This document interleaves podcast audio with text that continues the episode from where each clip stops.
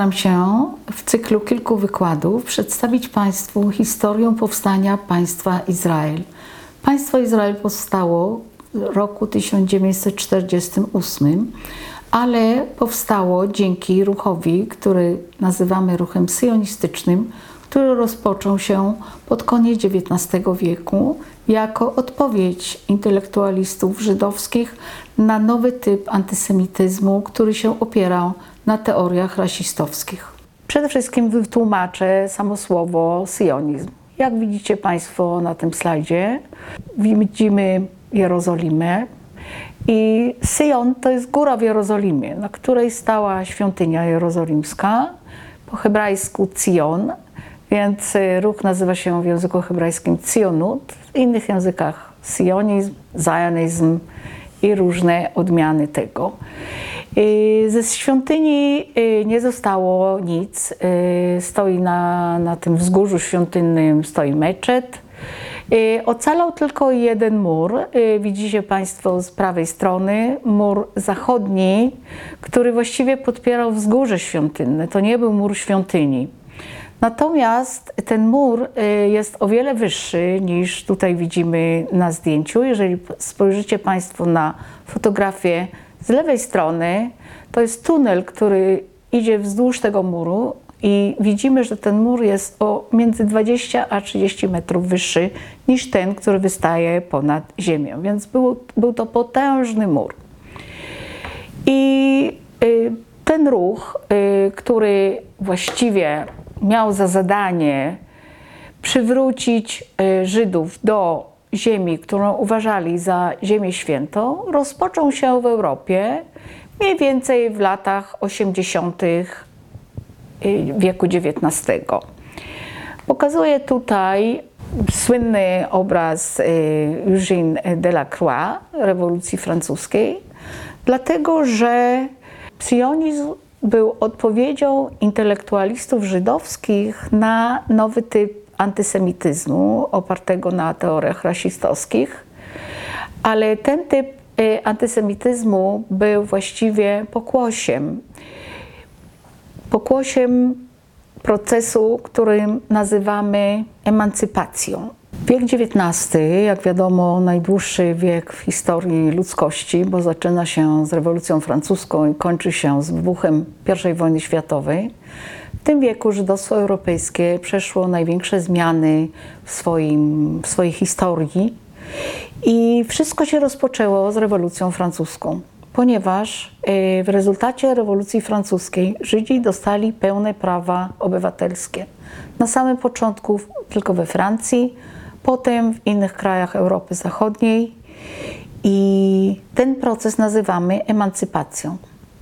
Prawa zostały nadane Żydom jako, nie jako społeczeństwu, tylko jako osobom indywidualnym, ale pomimo tego wniosły one olbrzymie zmiany w życiu żydostwa europejskiego, a potem oczywiście żydostwa na całym świecie, bo emancypacja umożliwiła Żydom wcielenie się w społeczeństwo, zdobycie świeckiego wykształcenia i brania udziału we wszystkich dziedzinach życia, nie rezygnując ze swoich tradycji religijnych. Więc 100 lat intensywnej emancypacji spowodowało prawdziwą rewolucję w wykształceniu, sposobie bycia, sposobie myślenia, pojmowania obrazu świata przez żydowstwo europejskie. Jednak emancypacja okazała się fenomenem zgubnym dla żydowstwa europejskiego. Powstała ona na tle rodzącego się e, europejskiego nacjonalizmu, który zresztą też był pokłosiem rewolucji francuskiej. E, ruchy nacjonalistyczne zawsze dążą do znalezienia wspólnego wroga. To pomaga zjednoczyć szeregi. I Żydzi w większości krajów europejskich zostali wytypowani na tego wroga. Emancypacja stała się niestety bodźcem w tworzeniu się nowej formy antysemityzmu, który sugerował, że Żydzi to odrębna rasa, która nigdy nie jest w stanie wcielić się organicznie w społeczeństwo, które je otacza. Żydzi przez tysiące lat byli zmuszani lub zachęcani do zmiany wiary. Ale w tej chwili, kiedy istnieją teorie rasistowskie, zmiana wiary niczego nie zmienia. Żyd, ponieważ jest uznany za członkiem specyficznej rasy, w chwili, kiedy przyjmuje chrzest, nie staje się y, organiczną częścią społeczeństwa, w którym żyje. Więc y, ta głęboko zakorzeniona nienawiść do Żydów y, zmieniła się z podejścia religijnego na podejście ideologiczno-naukowe. I właśnie te quasi-naukowe teorie umożliwiły przyjęcie tych teorii rasistowskich przez ludzi oświeconych, wykształconych, którym właśnie imponowała ta naukowa e, analiza problemu żydowskiego. Jak zareagowało żydostwo europejskie na tą nową falę nienawiści? Więc reakcja była na różne sposoby. Pierwszy sposób to po prostu masowa emigracja do krajów względnie demokratycznych i liberalnych, szczególnie do Stanów Zjednoczonych, ale też do krajów Ameryki Południowej, Ameryki, Afryki Południowej, Kanady, Australii. Drugim takim rozwiązaniem było się przyłączenie i aktywna działalność w europejskich ruchach socjalistycznych lub komunistycznych, które miały zapewnić Żydom równouprawnienie i zakładały w swojej ideologii możliwość całkowitej asymilacji bez względu na religię lub rasę. Trzecim rozwiązaniem było wykreowanie swojego własnego ruchu narodowego na przykładzie właśnie nacjonalizmów europejskich, które przez to, że wykluczyły Żydów ze swoich narodowych wspólnot, uświadomiły im, że są właściwie nie tylko religią, ale także narodem, który posiada swój własny język, historię i kulturę. Pierwszym przykładem takiej próby znalezienia rozwiązania dla kwestii żydowskiej w Europie była konferencja w Katowicach, zwołana przez Leona Pinckera. Był to wybitny żydowski intelektualista, który napisał książkę pod tytułem Autoemancypacja. To znaczy, że nadszedł czas, żeby Żydzi ujęli swój los w swoje własne ręce i zaczęli być narodem takim jak inne narody, najlepiej w Ziemi Świętej. Właśnie y, tutaj chcę pokazać, że to podejście sugerujące autoemancypację znalazło odzew y, w kręgach młodych Żydów, pod, szczególnie tych, którzy żyli w Imperium Carskim, które oczywiście było wyjątkowo antysemickie, nie nadawało żadnych praw Żydom. I sytuacja pogorszyła się szczególnie po zabójstwie cara Aleksandra II, rok 1881. Władze carskie zainicjowały falę pogromów, y, które miały właściwie wytłumaczyć narodowi rosyjskiemu, że tylko Żyd mógłby podnieść rękę na świętą osobę cara. Nie było to prawdą, ale było to jakieś wytłumaczenie tego, co się stało. Na tle właśnie tych represji w Rosji carskiej powstał ruch Chowywej Sion, znaczy miłośników Sionu i młodzi ludzie, y, którzy urodzili się w Rosji, zdecydowali, że osiedlą się w Ziemi Świętej, ówczesnej Palestynie, pod władzą Imperium y, Otomańskiego i założą osiedla rolnicze. Tutaj pokazuję y, zdjęcia tak zwanej pierwszej alii, pierwsza fala emigracji i chciałabym wytłumaczyć to słowo alija. Alija y, to właściwie słowo w języku hebrajskim, które znaczy wnoszenie się w górę, przemieszczanie się na wyższe miejsce. Słowo to oznacza tylko i wyłącznie przybycie do Ziemi Świętej, nie emigracji do innych krajów. Istnieje w języku hebrajskim słowo emigracja, hagira, ale do przybycia do y, Ziemi Świętej używa się słowo alija.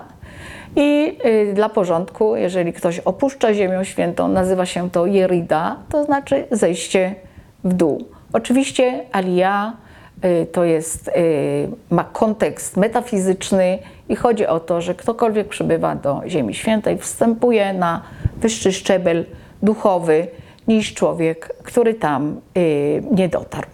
Chciałam teraz powiedzieć kilka słów o tej pierwszej fali y, emigracji do Palestyny, pierwszej Alii. Będę używała tego słowa y, Alija i będę używała słowa Eretz Israel, które potem wytłumaczę.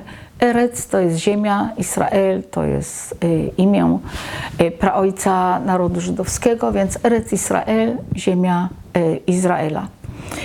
Natomiast wracając do tej pierwszej alii, przybyli to młodzi ludzie, którzy byli pełni zapału i którzy zdecydowali, że chcą się osiedlić na roli i y, właściwie ich y, inicjatywa skończyłaby się kompletną katastrofą, dlatego że oni po prostu nie byli przygotowani do tego typu życia nie byli przygotowani do bardzo ciężkiego klimatu, nie byli przygotowani do tego, że nie będzie wody, że te y, uprawy, które właściwie do których byli przyzwyczajeni w Rosji, że te rośliny w klimacie śródziemnomorskim po prostu nie, nie rosną. I większość z tych młodych ludzi, tych nowych osadników, wróciła jednak do Rosji. Natomiast pozostała mała grupka, która dzięki pomocy filantropa barona Rothschilda z Francji jednak wytrwała i z jego pomocą udało im się założyć 17 osiedli i już w roku 1903 było w ziemi Izraela, ówczesnej otomańskiej Palestynie 25 tysięcy młodych rodzin, młodych ludzi, którzy y, mieszkali w 17 nowych osiedlach żydowskich. Widzimy tutaj na tym slajdzie barona Rothschilda, który y, przyjeżdża z wizytą do y, Palestyny. Baron Rothschild nie był syjonistą, ale był Żydem i w żydostwie jest bardzo silna tradycja, że kiedy Żydzi w jakimkolwiek zakątku świata są w opresji, inni Żydzi powinni im pomagać. Więc pan Rothschild na tej zasadzie posłał różnych ekspertów, y, pieniądze, którzy pomogli tym pierwszym osadnikom założyć właśnie te pierwsze osiedla, założyć y, przemysł winiarski, inne gałęzie rolnicze, które dobrze prosperowały w klimacie śródziemnomorskim, ale relacje między urzędnikami barona a osadnikami nie były najlepsze i dlatego baron już w roku 1900 wycofał swoje poparcie. Ale w chwili, kiedy to poparcie wycofał, już, jak już wspomniałam, duża grupa młodych ludzi już y, zapuściła swoje korzenie w Palestynie, stworzyła gospodarstwa rolne, które już stanęły na własnych nogach i ta pomoc właściwie już nie była potrzebna.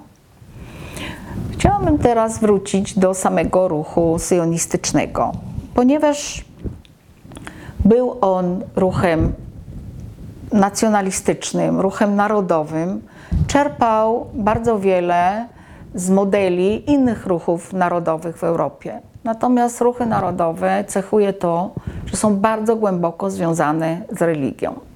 Sionizm nie był ruchem religijnym, wręcz przeciwnie, był ruchem świeckim, ale potrzebował symboli. I tym symbolem, który jednoczył wszystkich Żydów na całym świecie, była Biblia. Sionizm, e, który był ideologią świecką, jest bardzo przywiązany do Biblii. Widzicie tutaj Państwo po prostu zwoje Biblii. Tak e, wyglądały księgi Biblii hebrajskiej, y, zanim powstała forma książek z kartkami. A tutaj y, rok 1967 to są y, izraelscy spadochroniarze pod murem zachodnim świątyni. Jak widzicie Państwo, chłopcy świeccy, ale jednak są bardzo, bardzo przejęci tym, że stoją pod Y, murem, który podpierał y, w przeszłości dawną świątynię. Izrael podchodzi z wielkim szacunkiem do ksiąg Biblii i tutaj mamy y, piękną budowlę, która się nazywa Świątynią Księgi, przy wejściu do Muzeum Izraela w Jerozolimie. Zwoje z Morza Martwego, y, księgi Biblii, które mają ponad 2000 lat, zostały umieszczone w, specjalnym, w specjalnej budowli i y, w środku jest naśladownictwo, jak wygląda zwój Tory. Jest tam wystawiona na widok księga Izajasza. Natomiast na zewnątrz widzicie Państwo taką dziwną budowlę, która wygląda jak pokrywka, i faktycznie jest to pokrywka tych glinianych dzbanów, w której znaleziono te zwoje nadmorza martwego. Więc y, może wytłumaczę, czym jest y, Biblia hebrajska. Biblia hebrajska to jest właściwie biblioteka. To są księgi, które są napisane w różnych epokach przez różnych autorów, potem y, skompilowane i redagowane przez różne pokolenia kapłanów i Rezultatem są 24 księgi, które dzielą się na trzy główne kategorie, znaczy Torah to jest nauczanie, potem Nevi'im, to znaczy prorocy, a potem Ktuvim, znaczy różne inne księgi, które nie mają jakiejś wspólnej nazwy. Biblia ta, która została właściwie skompilowana około III lub IV wieku już e, naszej ery, zawiera 24 księgi. Były wielkie dysputy nad tym, jakie księgi mają wejść do kanonu Biblii hebrajskiej i były, była wielka dyskusja nad księgą y, Pieśni nad pieśniami, ponieważ były to wiersze raczej bardzo erotyczne, ale zdecydowane, że są one y, metaforą na miłość między Bogiem a narodem Izraela. Druga księga, która nie weszła do kanonu bez większych dyskusji, to była księga Estery, w której w ogóle nie jest wspomniane imię Boga. I faktycznie w zwojach e, Morza Martwego znaleźliśmy wszystkie księgi, e, które weszły do Biblii hebrajskiej, oprócz księgi Estery. To znaczy została ona dołączona do tego kanonu w okresie późniejszym. Teraz zachodzi pytanie, czy Biblia jest historią, czy jest y, mitem? Można powiedzieć, że wszystkie historie o praojcach narodu raczej należą do, do mitologii. W każdym micie jest pewien y, wątek jakiejś prawdziwej historii, ale jednak y, jeżeli bierzemy tych ojców narodu, jakim byli Abraham i Izak, możemy przyjąć, że to są jednak opowieści, które ludzie sobie opowiadali, żeby nadać jakąś spójność y, swojemu istnieniu.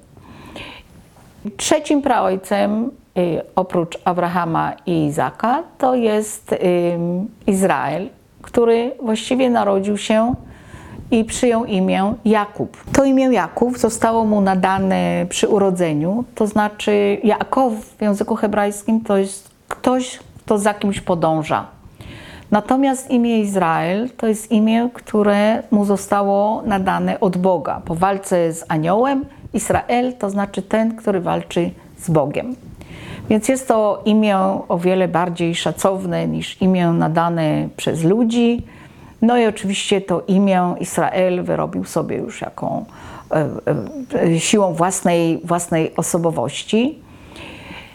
Trzecią taką postacią, którą nie wiemy, czy jest e, mitem, czy, czy postacią prawdziwą, to jest Moshe, Mojżesz, który skodyfikował prawo, dziesięć, dziesięcioro przykazań, ale nie wiemy, czy był y, prawdziwym człowiekiem, czy tylko właśnie takim mitem. Inna postać, bardzo znana, król Dawid, który y, zwyciężył Goliata. Widzicie tutaj, że był też poetą, tworzył pieśni, grał na harfie. Mamy tutaj piękny most y, przy wjeździe do Jerozolimy zwany harfą Dawida. Więc król Dawid to jest postać też dominująca y, historię żydowską. Król Salomon, tak samo jego jego syn, znany z mądrości, y, który gościł wspaniałą królowę Sabę i zbudował świątynię w Jerozolimie. Znowu, nie wiemy, czy y, te postacie Dawida i Salomona to były postacie, które raczej zostały rozwinięte y, w literaturze, ale możemy z pewnością powiedzieć, że historia narodu żydowskiego rozpoczyna się dopiero wtedy, kiedy możemy zweryfikować dane biblijne z jakimiś źródłami pozabiblijnymi. I takich źródeł jest kilka. Nie będę teraz wchodzić w wszystkie szczegóły, ale na pewno nie przed IX lub VIII wiekiem przed naszą erą. Więc wszystko, co wiemy o powstaniu narodu, o jego praojcach, o wczesnych królach, wiemy raczej y, z Biblii, która, jak już powiedziałam, jest w części mitologią, a po części jest historią, ale dopiero w o wiele późniejszym okresie. To, co jest historią, co możemy, jak już powiedziałam, zweryfikować źródeł aramejskich, babilońskich, y, perskich, to jest y, to, że istniały dwa państwa, w których mieszkała ludność, która wyznawała tą samą religię, mówiła tym samym językiem. Jedno to było państwo Izrael, bardziej na północ, a drugie to było państwo Jehuda, bardziej na południe. Państwo Jehuda to było małe państewko, które w większości swojego istnienia było uzależnione od tego bogatego królestwa y, Izrael i właściwie było jego wasalem. Ale to Królestwo Izrael upadło w roku 722 i bardzo duża część ludności z tego państwa ówczesnego, starożytnego państwa e, Izrael przeniosła się do państwa Judy. I ludzie się przemieszali i już e, większość przyjęła tą nazwę, że pomimo, że wszyscy byli synami Jakuba Izraela, znaczy Bnei Izrael, synowie Izraela, Am Izrael, narodem Izraela, jednak kraj, w którym żyli, który jeszcze przetrwał y, ten upadek tego północnego państwa Izrael, ten kraj się nazywał Jehuda. Świątynia y, w Jerozolimie, serce państwa Jehuda, y, też została zburzona przez Babilonię w roku 586 przed naszą erą. Na krótki czas Żydzi znaleźli się w, na wygnaniu w Babilonii. Powstały wówczas piękne psalmy, które właśnie wykreowały tą nazwę Sion. Właśnie y, ta tęsknota za Sionem, bo Sion to góra w Jerozolimie, więc tęsknota za Sionem to tęsknota za Jerozolimą i całą ziemią y, Izraela. Potem dzieje tego małego skrawka ziemi y, zmieniają się i Żydzi znajdują się pod władzą perską, potem podbija te tereny Aleksander Macedoński i tworzą się dwa imperia helenistyczne, prawda, Seleucydzi Y, Ptolomeusze walczą między sobą, y, mm, ten skrawek ziemi przechodzi z rąk do rąk, y, aż potem właściwie trafia pod władzę rzymską. Przez całe te lata kraj nazywa się Judea. Teraz podczas rządów Rzymu w Judei wybuchają powstania. Dwa największe powstania to w roku 70 naszej ery i 134 naszej ery. Pokazuje tutaj monety, które są bite podczas kiedy na dwa lub trzy lata y, władzę obejmują powstańcy. I jest tutaj słynny, y, słynna płaskorzeźba z łuku Tytusa, która pokazuje menorę, więc świecznik, który Rzymianie zabrali po zburzeniu świątyni w roku 70 i to jest procesja triumfalna, triumfalna y, cesarza Tytusa. Y, Pokazuję tutaj monety izraelskie, które czerpią motywy z tych starożytnych monet lub z tego y, łuku Tytusa. W ogóle ta menora y, stała się godłem państwa Izrael. Wracając do tematu, sionizm więc był ruchem politycznym i tak zwany sionizm polityczny został zainicjowany i rozpoczęty przez wybitną postać Theodor Herzl. Theodor Herzl był austriackim Żydem, był bardzo starannie wykształcony, mówił wieloma językami, był właściwie europejskim intelektualistą, który nie tyle, że był dumny ze swojego żydowskiego pochodzenia, tylko że to pochodzenie właściwie go nie bardzo wpływało na jego funkcjonowanie. On był dziennikarzem, pisał sztuki teatralne, y, przebywał w kręgach arystokracji europejskiej. Y, Pochodził z bardzo zamożnej rodziny, więc to jego żydostwo nie bardzo wpływało na jego życie. Ale Herzl znalazł się we Francji podczas procesu Dreyfusa. Kim był Alfred Dreyfus? Kapitan Alfred Dreyfus został oskarżony o zdradę, ponieważ przebywał kilka miesięcy w sztabie generalnym francuskim, właśnie w chwili, kiedy okazało się, że ważne informacje o y, planach y, i broni y, francuskiego sztabu generalnego znajduje się w rękach Niemców. Przypominam, że Francja i Niemcy y, są po straszliwej wojnie w roku 1870-71, kiedy Francja przegrywa, traci terytoria Alzację i Lotaryngię i jest y, wiadome wszystkim, że następna wojna między Francją a Niemcami jest y, nieunikniona.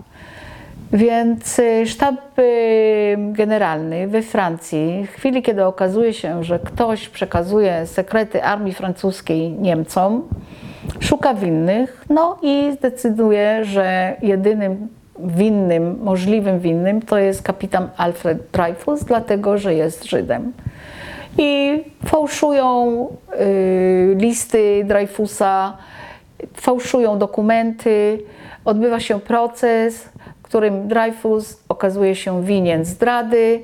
Tu jest y, rysunek, na którym odbywa się publiczna degradacja Dreyfusa, który za karę dostaje, zostaje wysłany na tak zwaną diabelską wyspę, kolonią, kolonię karną na, na Atlantyku obok francuskiej Gujany. Tutaj y, łamie się jego szpadę, y, zrywają mu epolety. I to jest taki proces upokorzenia publiczny. Y, Społeczeństwo francuskie reaguje bardzo źle na y, ten proces i y, dzieli się na tak zwanych Dreyfusardów i antydreyfusardów. Bo są coraz silniejsze głosy, że dowody przeciwko Dreyfusowi zostały sfałszowane i wybitny intelektualista i pisarz francuski Émile Zola publikuje artykuł J'accuse, oskarżam, w którym oskarża wojsko i rząd francuski o kłamstwo i skazanie na katorgę niewinnego człowieka. Y, Pułkownik Picard jest tym, który właśnie znajduje te wszystkie sfałszowane dokumenty, upublicznia je. Innym takim wybitnym francuskim intel- intelektualistą, który jest w to zaangażowany, to słynny pisarz Anatole France. Anatole France nawet opisuje proces Dreyfusa w swojej książce. Społeczeństwo francuskie nie tyle, że dzieli się na zwolenników Dreyfusa czy jego przeciwników, ale po prostu wybucha olbrzymia fala antysemityzmu. I Theodor Herzl, który jest w owym czasie korespondentem austriackiego dziennika Neue Freie Presse, jest po prostu zszokowany, zaskoczony, jak głęboka jest nienawiść do Żydów właściwie w tej Francji, tej liberalnej Francji, która jako pierwsza na świecie nadała Żydom prawa, pełne prawa obywatelskie. I on dochodzi do wniosku, że jednak trzeba znaleźć jakieś inne rozwiązanie. pisze właściwie nie książkę, ale broszurkę Der Judenstaat, znaczy państwo żydowskie, w której przedstawia swoją teorię, że Żydzi powinni stworzyć własne państwo, odwrócić tak zwaną nienaturalną piramidę zatrudnienia i wszystko to powinni uczynić teraz, e, w naszym pokoleniu, znaczy w jego pokoleniu, poprzez negocjacje z mocarstwami europejskimi, które by się zgodziły, żeby Żydzi założyli swoje własne państwo. Herzl jest człowiekiem czynu, zwołuje tak zwany pierwszy kongres syjonistyczny. Przybywają na ten kongres delegaci z całej Europy i kongres właśnie przyjmuje postulaty takie jak, że y, będzie stworzone państwo żydowskie, że to państwo ma y, powstać w Ziemi Świętej, że będzie to drogą negocjacji z imperiami europejskimi, takimi jak Wielka Brytania, Francja, Niemcy, także z Imperium Otomańskim, bo wówczas ówczesna y, Ziemia Święta y, znajduje się pod władzą y, sułtana tureckiego. Zachodzi pytanie, skąd wzięła się ta nazwa Palestyna? Dlatego, że Żydzi nazywają swoją ziemię Eretz Israel, znaczy ziemię Izraela lub e, ziemię świętą. Państwo żydowskie nazywało się Judea i pod władzą perską, i pod władzą grecką, i pod władzą rzymską. Więc e, skąd e, ta Palestyna? Ta nazwa to jest kara. Kara za powstania przeciwko Rzymowi. W, po drugim krwawym, nieudanym powstaniu żydowskim w roku 134 naszej ery.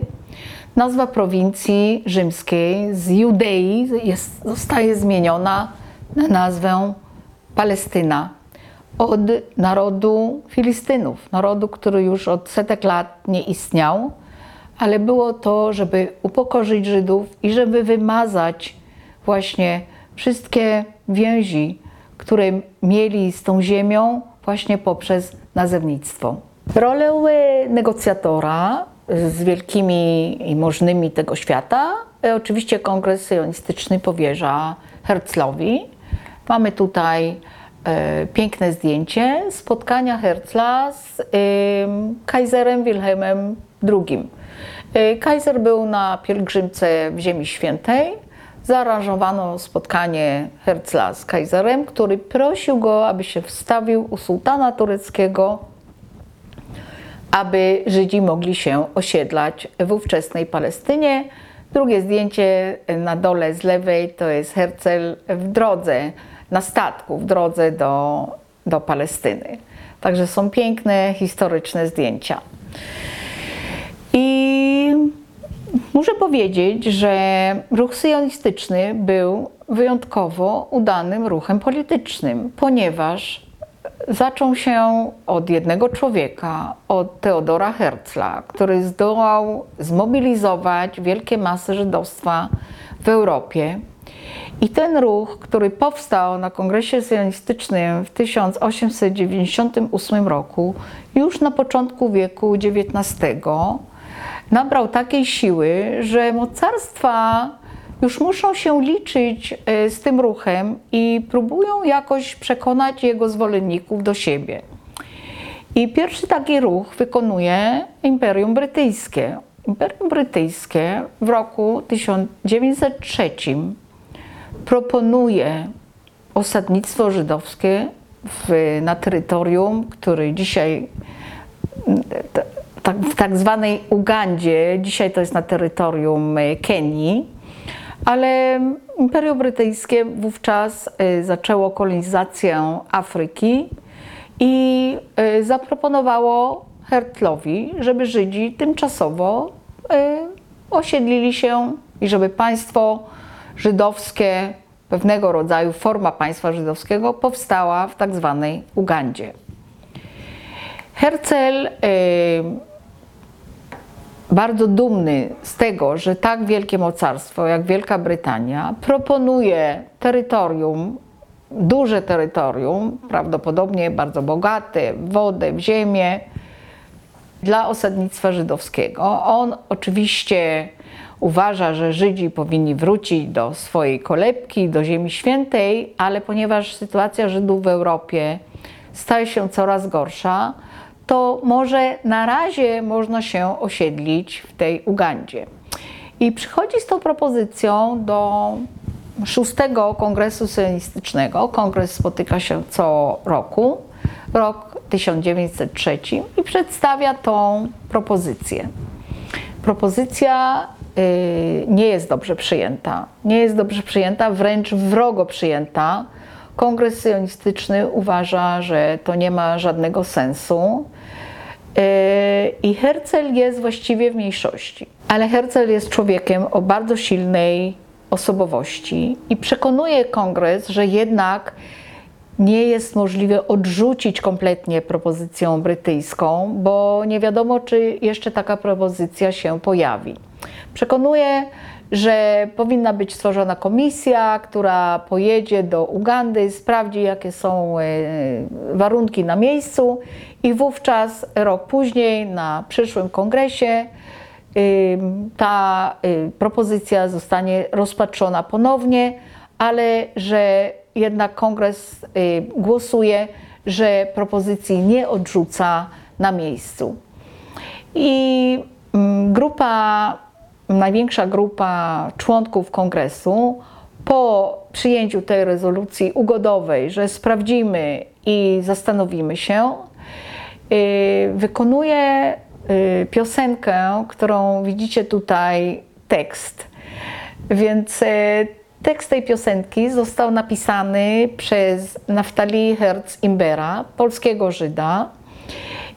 Melodia jest tak zwana mm, ludowa, ale jak widzicie, tekst tej piosenki mówi o powrocie do Sionu, o tęsknocie za Sionem, o Jerozolimie, więc y, odśpiewanie tej piosenki na zakończenie kongresu syjonistycznego w 1903 roku było właściwie demonstracją członków kongresu, że oni tej y, propozycji Ugandy właściwie nie popierają. Roku następnym, 1904, Herzl umiera w bardzo młodym wieku, w wieku 44 lat. I y, kiedy kongres się zbiera, Y, w tym samym roku propozycja Ugandy zostaje y, odrzucona. I ta piosenka, którą odśpiewano na zakończenie poprzedniego kongresu, staje się właściwie hymnem ruchu syjonistycznego i dzisiaj hymnem państwa Izrael, Hatikwa. To jest nadzieja. Aby zrozumieć, dlaczego propozycja brytyjska spotkała się z tak silnym sprzeciwem członków Kongresu Syjonistycznego, musimy sobie uświadomić, gdzie teorie Herzla zostały najbardziej entuzjastycznie przyjęte. Na pewno nie w Europie Środkowej czy w Europie Zachodniej.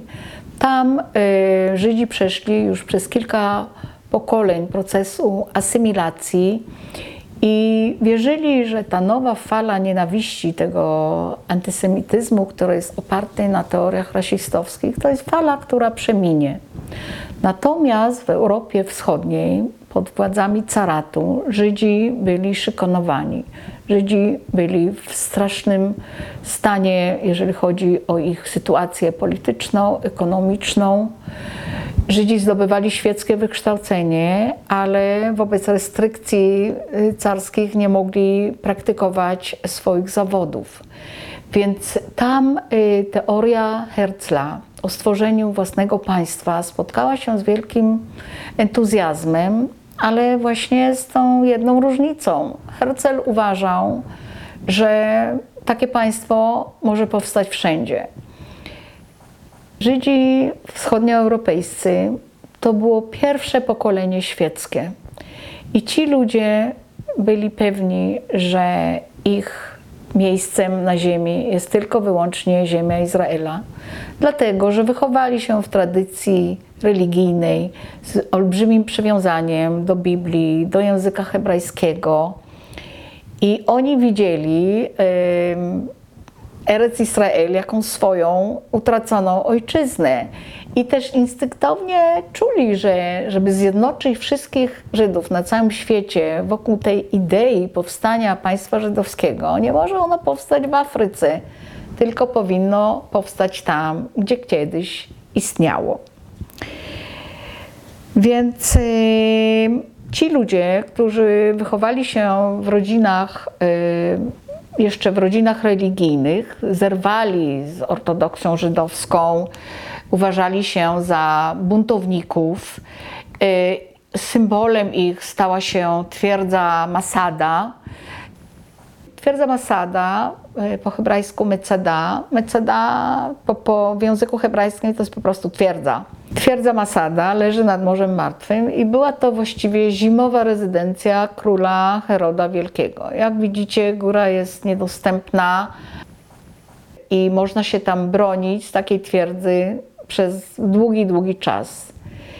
Twierdza przetrwała upadek świątyni jerozolimskiej i broniła się przez trzy lata przed wojskami rzymskimi. I tutaj e, wykopaliska pokazują dokładnie, gdzie był obóz rzymski, jaki nasyp stworzyli Rzymianie, żeby twierdzę zdobyć. E, I kiedy twierdzę zdobyto, wszyscy obrońcy twierdzy, było ich około tysiąca, popełnili samobójstwo. To znaczy, że Rzymianie, którzy weszli do twierdzy, kiedy wyłamali mury, znaleźli tylko ludzi, którzy już byli martwi, którzy wybrali śmierć y, zamiast niewoli. Więc e, Masada stała się takim symbolem sionizmu, dlatego że sionizm uważał się za ruch, który właśnie jest ruchem walczącym, a nie ruchem biernym. I ten ruch uważał ortodoksję żydowską, a szczególnie rabinów, którzy nawoływali do bierności, do pokorności wobec y, represji rządów y, w poszczególnych krajach, y, jako winnych tworzenia Żydów jako narodu, który jest bierny, który nie ujmuje swojego losu w swoje własne ręce, no i dlatego y, może się to wydawać dziwne, ale największym wrogiem y, syjonizmu była właściwie ortodoksja żydowska. Rabini syjonistów wykleli, obłożyli klątwą. Więc y, to było trochę dziwne, że tym głównym wrogiem nie byli antysemici, lecz właśnie środowiska religijne żydowskie. Przed emancypacją Żydzi żyli w odrębnych i zamkniętych wspólnotach. Nie mierzyli się kryteriami otoczenia i nie przyswajali sobie pojęć obcym ich własnemu środowisku. Podejście to zmieniło się właśnie z procesem emancypacji, z wyjściem tak zwanego getta mentalnego Żydzi nagle stali się bardzo uczuleni na krytyczne podejścia otoczenia do swojego sposobu bycia, do swoich tradycji. I stworzyli, jak już wspominałam, swój własny ruch narodowy, ale ten ruch y, zawierał w sobie też element, który nazywano negacją diaspory. To znaczy, że wszystko, co było w diasporze, było negatywne, ten nowy ruch e, narodowy, ruch syjonistyczny miał stworzyć postać nowego Żyda, który będzie kompletnie odmienny od Żyda diaspory. Wrócimy oczywiście do tego wątku, kiedy będę opowiadała o tym nowym pokoleniu, już urodzonym w Eretz Israel, znaczy synów tych pierwszych pionierów pierwszej i drugiej Ali. Chcę teraz pokazać Państwu e, tą drugą Aliję, drugą falę emigracji, która się rozpoczęła w roku 1903 i trwa właściwie z przerwą podczas I wojny światowej do początku lat 20. E, Pionierzy tej drugiej alii różnili się bardzo od pionierów pierwszej alii. Pionierzy pierwszej alii to byli idealiści, którzy chcieli wrzucić, wrócić do korzeni, założyć y, osiedla i pionierzy drugiej alii jednak różnili się od nich tym, że to byli rewolucjoniści i socjaliści. Oni chcieli stworzyć nowego człowieka, nowy naród, nowe społeczeństwo, które będzie oparte właśnie na równości społecznej, gdzie najważniejszy będzie kolektyw. I ta druga alia przybywa do Palestyny i spotyka się z olbrzymią wrogością pierwszej alii. Farmerzy pierwszej alii, którzy się już wzbogacili, nie chcą ich wynajmować do pracy. Wzbudza to wielkie zdziwienie, ale na dobrą sprawę jest to podejście dosyć praktyczne. Robotnicy arabscy są o wiele bardziej przystosowani do pracy na roli w tak ciężkim klimacie, jaki panuje wówczas w Palestynie. Oprócz tego robotnicy arabscy nie organizują strajków, nie zakładają związków zawodowych więc y, są y, o wiele bardziej wygodni w wynajmowaniu ich do pracy. I wtedy zaistniała sytuacja bardzo niebezpieczna właściwie dla organizacji sionistycznych, które siedzą w Europie, zbierają pieniądze na wykup ziemi, za, na zakładanie nowych osiedli, ale y, nagle mają grupę kilku, kilku tysięcy, około 10 tysięcy młodych ludzi, którzy nie mają pracy, którzy przemieszczają się z miejsca na miejsce, są takim elementem dosyć e, wywrotowym takich e, ówczesnych hipisów. E, I organizacje sionistyczne dochodzą do wniosku, że najlepszym rozwiązaniem dla tych młodych ludzi to jest założenie osiedli kolektywnych. Osiedli kolektywnych, w których ci młodzi ludzie zostaną osadzeni y, na ziemi, dostaną y, miejsca zamieszkania, będzie można, można dla nich nabyć sprzęt rolniczy, wyszkolić ich w grupach, to znaczy dosyć tanim kosztem, nie budując domów dla rodzin, bo ci ludzie nie mieli rodzin, grupa, kolektyw zastępował rodzinę, więc i tak powstają pierwsze kibuce. Już w roku 1909 powstaje pierwszy kibuc Dgania nad y, brzegiem y, y, jeziora Kineret, jezioro galilejskie.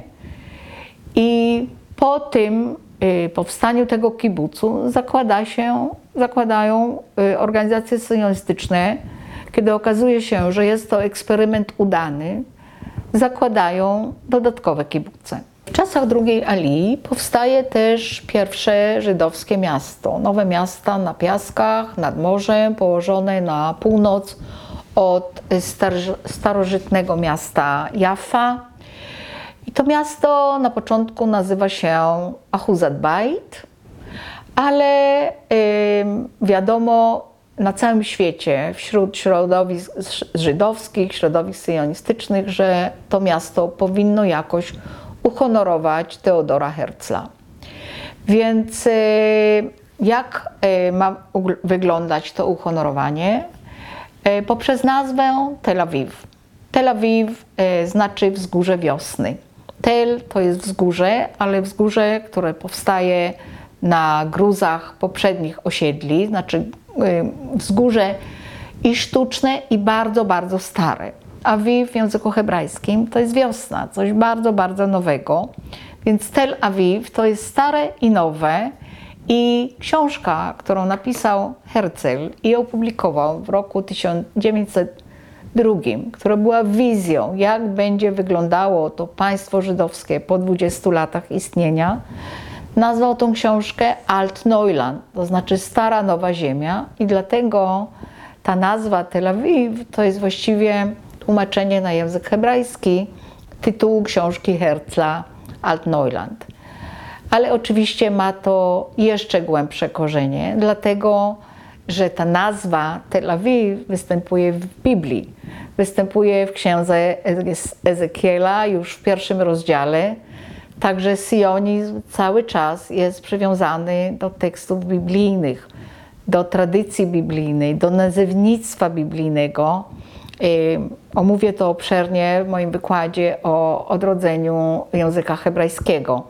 ale tyle tylko, że Tel Awiw, y, honorujący Herzla, jest nazwą starożytną, którą, która już istnieje w samej Biblii. Teraz trochę o zmianie sytuacji geopolitycznej na Bliskim Wschodzie w rezultacie I wojny światowej.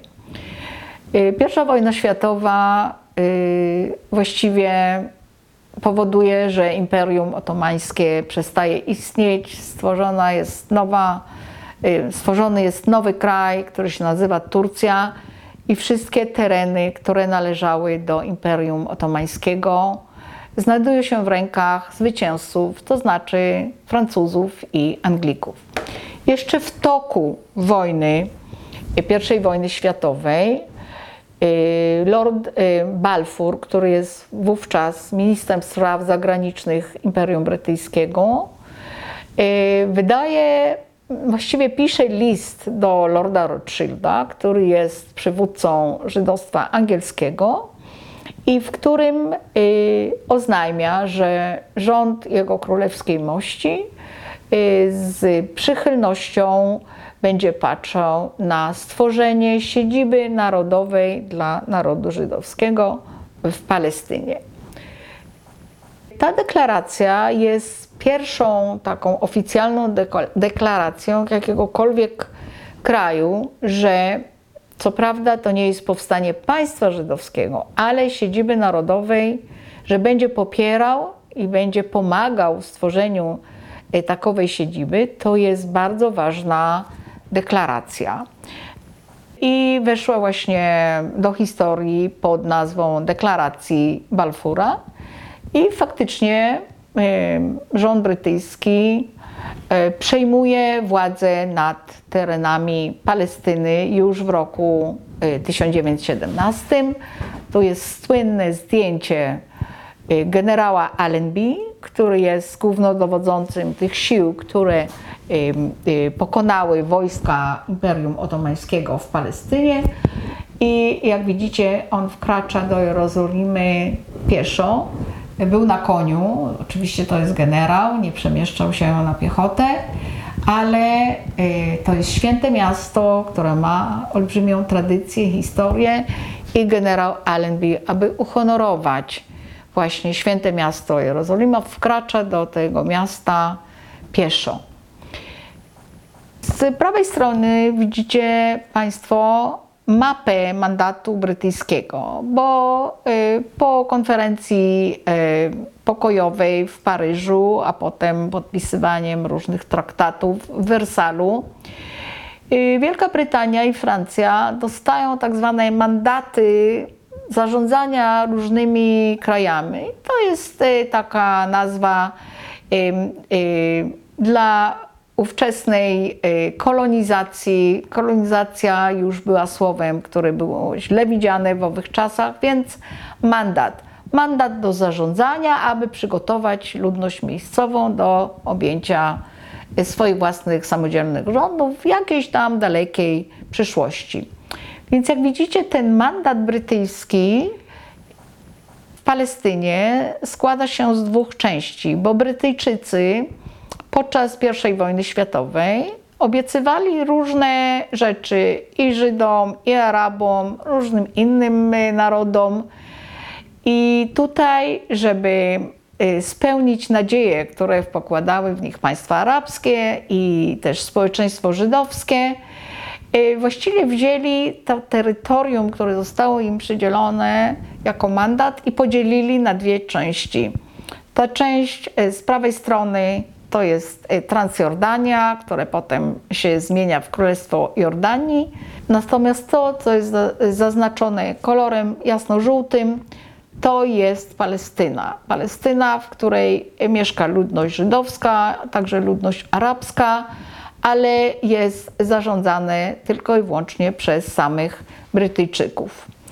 I ten mandat brytyjski trwa do roku 1948. Oficjalnie zostaje im nadany w roku 1922.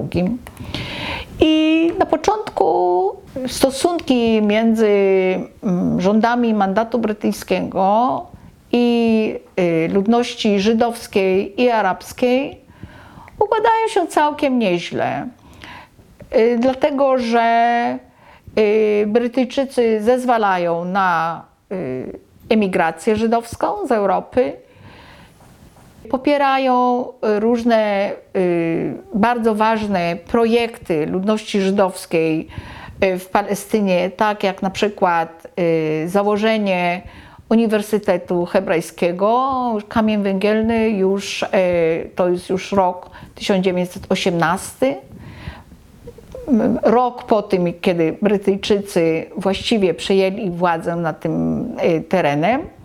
Natomiast już w roku 1925 już istnieje Uniwersytet Hebrajski, już istnieje budynek i uniwersytet zaczyna funkcjonować.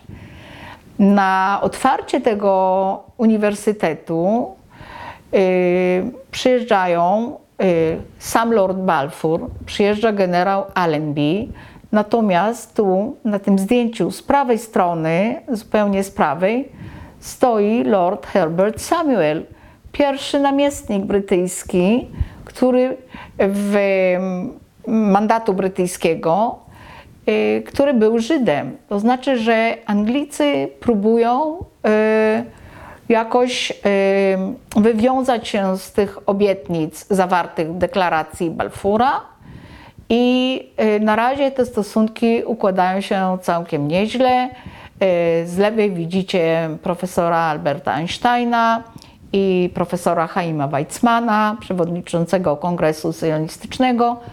Y, Einstein staje się, staje na czele Komitetu Akademickiego Uniwersytetu Hebrajskiego.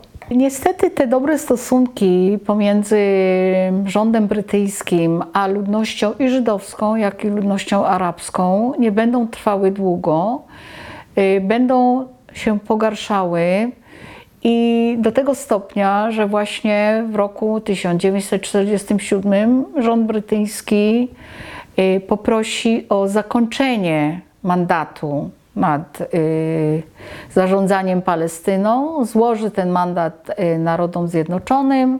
W rezultacie tego powstanie państwo Izrael, ale to oczywiście y, na przyszłych wykładach. Dziękuję.